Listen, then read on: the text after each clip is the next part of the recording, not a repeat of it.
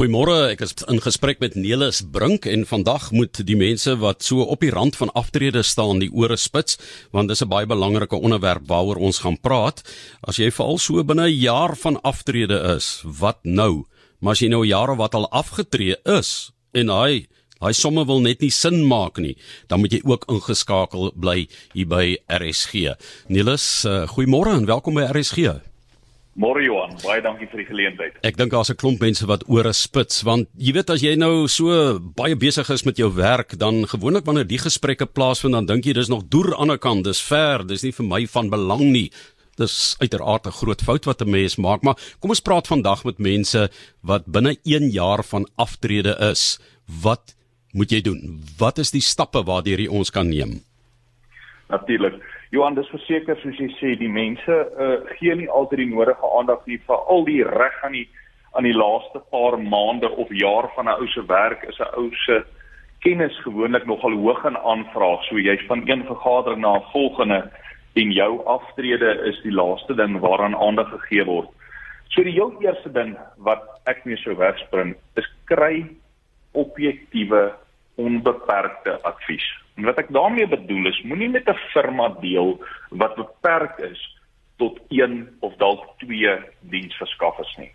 By PSG R21 voel ons baie sterk daaroor om vir 'n kliënt of 'n potensiële kliënt die markwyte kan gaan kyk na die pasmaak oplossing vir hom.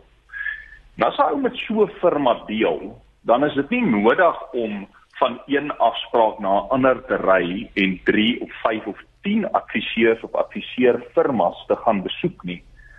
Want een firma wat die regte goed kan doen, behoort jy by daai eindpunt uit te kry waar jy moet wees.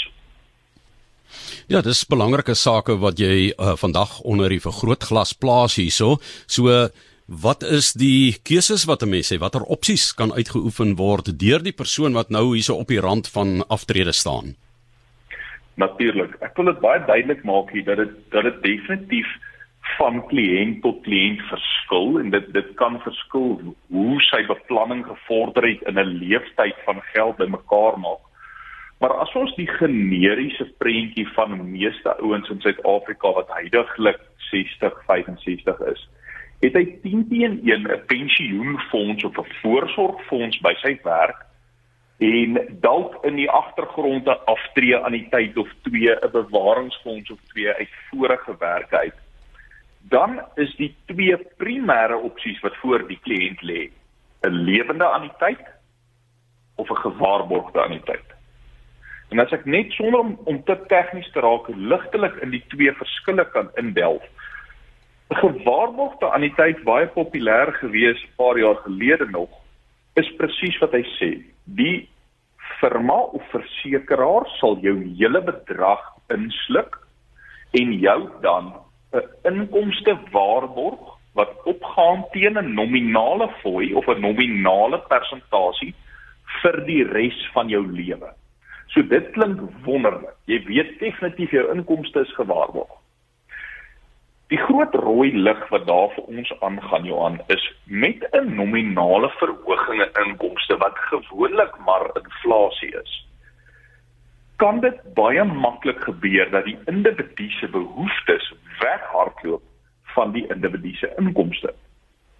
Die tipiese uh, uh, gemiddelde aftrede kliënt by PSG R21 se inflasiesyfer is plus minus 7 na 8% per jaar waar Suid-Afrikaanse inflasie is heidaglik 3.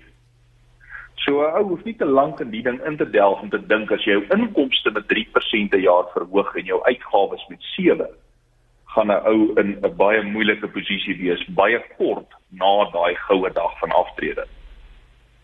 So die alternatiewe opsie is natuurlik 'n lewende anniteit. Dis die dis die mees populêre opsie by ons.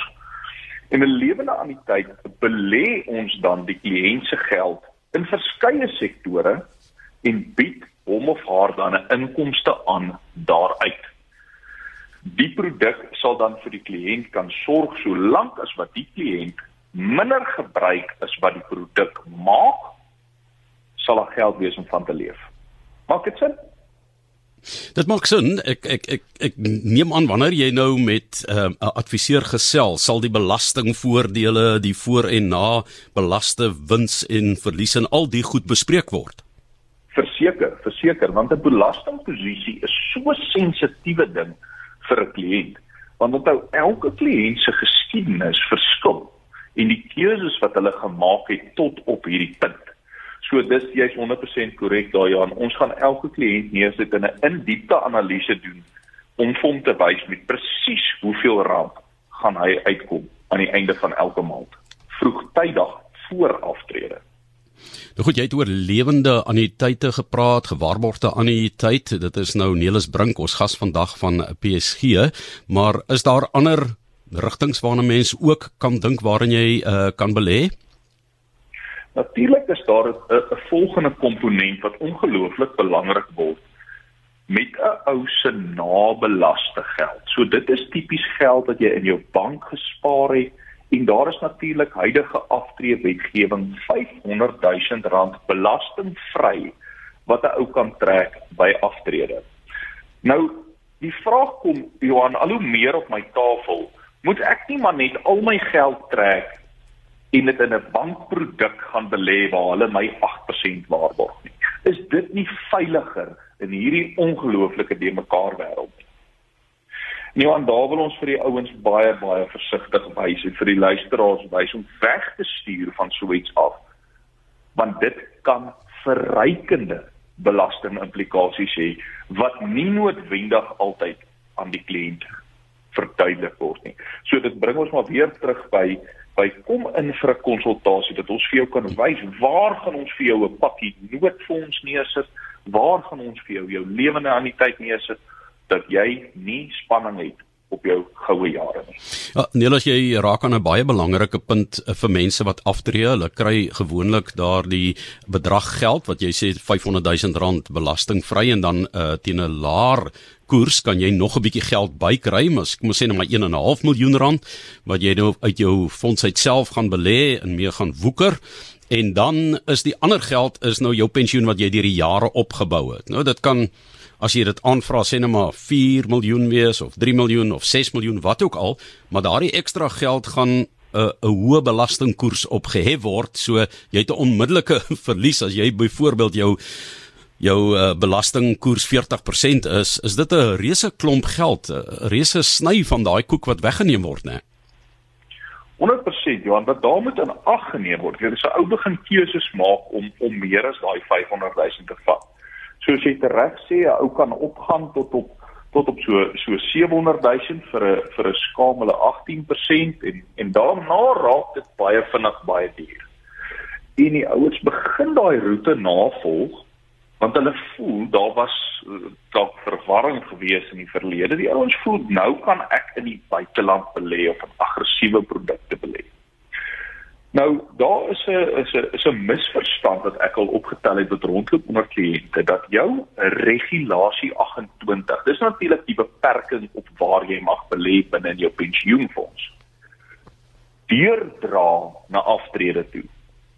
En dit is foutiewe inligting Johan as 'n ou afgetree is en jy's in 'n lewende anniteit kan 'n mens enige bedrag van jou geld in die buiteland belê sou jy wou van daar's nie meer 'n 30% beperking nie. 'n Mens kon sou jy so riskant wou wees 100% van jou geld by die deure van die land uitkry om om daai hoër opbrengs te gaan aanjaag.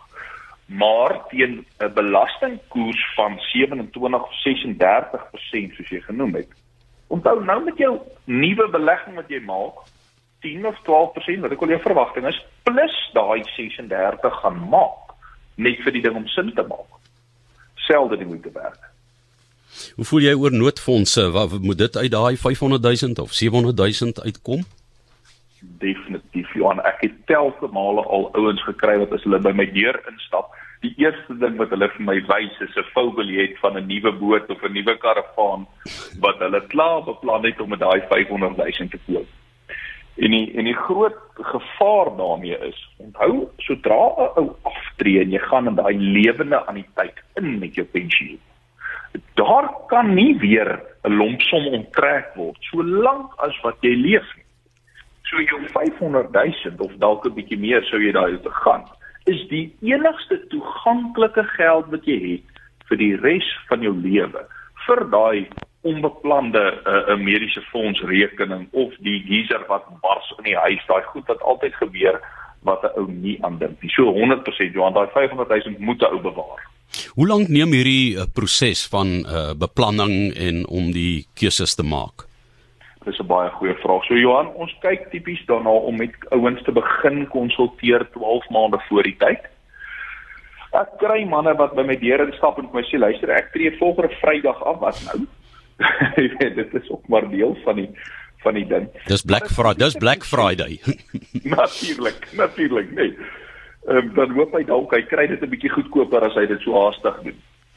So so hoe dit tipies werk, maar om daai gelde uit pensioenfonds of fondse uit te kry, 'n konsolidering van 'n ou se portefeulje te doen en al die geld bymekaar te kry om ten einde natuurlik vir die mens sy eerste salaris te betaal.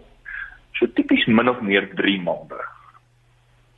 Goed, en dan ehm um, iets wat ook belangrik is want mense praat nogal baie daaroor wanneer jy nou hierdie eenmalige besluit kry eintlik of jy nog jou geld losmaak en of jy sal aangaan in byvoorbeeld 'n 'n pensioenfonds of hoe dit ook al nou vir elke individu ter sprake is. Wat gebeur by afsterwe? Is daar nou geld wat geërf kan word of gaan alles verlore as jy op die dag wat jy aftree uitstap en jy stap voor 'n voertuig in en jou lewe kom abrupt tot 'n einde? Wat gebeur dan met daardie fondse wat jy nou nou belê het vir 20 of 30 jaar jy weet na jou aftrede natuurlik.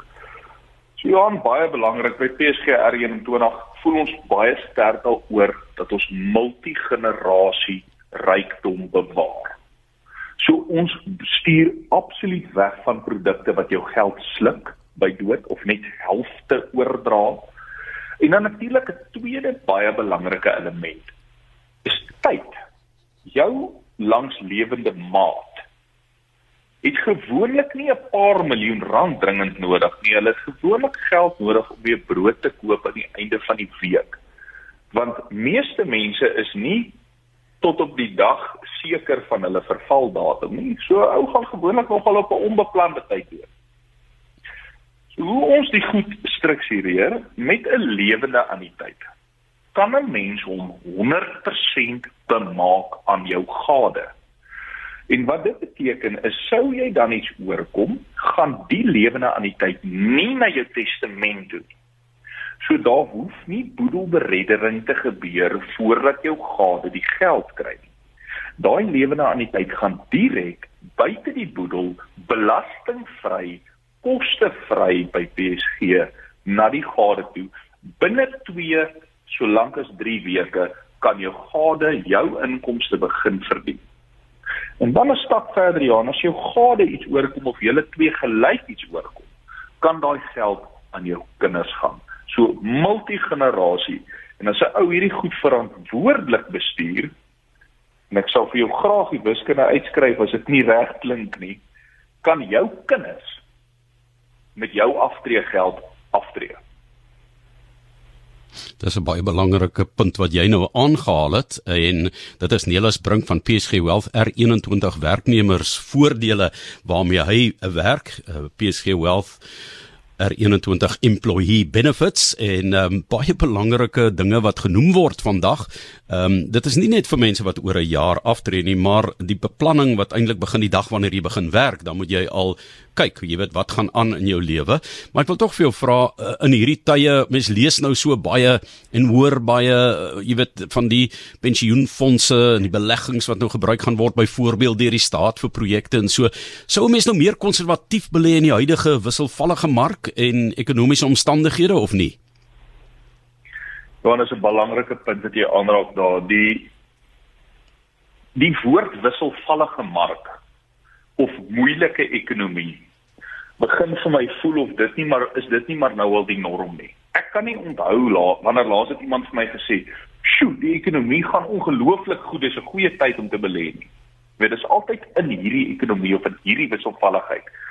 En daar's altyd 'n rede hoekom die mark wisselvallig is. Nou is dit COVID-19. Voor dit is dit 'n Amerikaanse verkiesing. Dan is dit dit, dan is dit dat. Dit gaan altyd 'n rede wees. En dan hou ons daarvan by PSG om 'n stapie terug te gaan en te gaan kyk wat sê die handboek. Nou as 'n ou gaan kyk na beleggingsbeplanning 101, die eerste klas in jou eerste jaar op universiteit. Vra hulle voordat jy 'n belegging maak, wat is die horison? Nou as ons gaan kyk na die tipiese aftree ouderdom in Suid-Afrika van tussen 60 en 70. Met 'n ou vir daai individu en sy vrou of man gaan vra, "Hoe lank gaan julle nog leef?" Nou daai is natuurlik 'n vraag wat hulle gewoonlik nie die antwoord op hulle hande by hulle het nie. Maar dit is waarskynlik langer as 10 jaar. Dis as ons na ons mediese tegnologie kyk, waarskynlik langer as 25 jaar. So met 'n 25 jaar behoefte definitief moet ons risiko vat beperk en beplan ons moet risiko vat anders gaan die geld nie hou nie. Dis eintlik so eenvoudig soos dit. Jou opbrengs moet inflasie klop Hier is iemand wat hier op die SMS lyn sê Johan Rademan, ruim voorsiening moet gemaak word vir inflasie in jou beplanning. Is Philip Elsen en uit alles in hoofletters geplaas. So iewers het, het Philip ook dalk al syfers mee te doen gehad wat ehm um, eintlik illustreer wat jy ook en onderstreep wat jy ook vir ons sê Nelis. Nelis, ek wil hê ons moet so 'n bietjie aanskuif. Ons het nog so 5-6 minute. So ons het heelwat dinge wat ek nou gou wil aanraak. Ehm um, Wat kan ek verwag na na aftrede in terme van persentasie? Wat wat is die die die persentasie waarmee ek nou kan leef? Kan leef. Uh, Johan, baie belangrike punt daar om nie te lank en om in te gaan nie. Dit verskil van mens tot mens waarmee jy kan klaarkom. En dit hang af van hoe jou begroting lyk by aftrede. En ek kan nie geloof klem daarop sê dat jy 'n begroting moet ooropstel sodra jy by aftrede aankom nie. Maar ou moet maar versigtig wees om meer as 5% van jou geld te gebruik. Minder wonderlik, meer begin jy in 'n gevaarsone trap want 'n realistiese groei jaarliks is plus minus 10% by PSG R21 handhaf ons nou net so bo die 15% die laaste 7 jaar. Maar 'n realistiese groei syfer is 10. So as 'n ou 5 of minder gebruik, bly 5 agter en en en soos meneer Els net reg sê, daai 5% wat agterbly, help jou eintlik om voor daai inflasiewolf te bly. Jy beskerm jou kapitaal. Op daardie manier, jou belegging. Verseker. Nou uh begroting, die woord begroting. Ek bedoel dit is enige mens wat nou iets met geld sake iewers te doen het, selfs as jy na 'n winkel toe gaan dat jy outomatiese begroting, jy het R100 en jy kan nie meer as dit koop nie en jy moet verkieslik minder as dit koop sodat jy nog ietsie kan oor hê. So dit bly maar altyd belangrik begroting, né? Natuurlik, natuurlik. Um, ongetwyfeld wat tipies begin gebeur op 65 of op jou laaste werksjare Onthou verdien ou die grootste salaris wat jy nog ooit verdien het. So 'n begroting begin in daai tye so bietjie by die deur uitloop en ou begin maar daai fyner leksiede aanskaf. En dis 'n ding wat baie skerp onder 'n vergrootglas na moet gekyk word by aftrede. Nou eh, Niels, iets wat ook belangrik is om te noem is die fooi. Nou mense vererg hulle partykeer daarvoor. Hulle sê jammer, maar niemand praat van fooie nie. En dit is die fooi wat die wat die mense wat die werk doen vir hulle self toeëien. Vertel vir ons hoe moet dit in berekening gebring word en is dit soms onregverdig? Is dit soms geregverdig?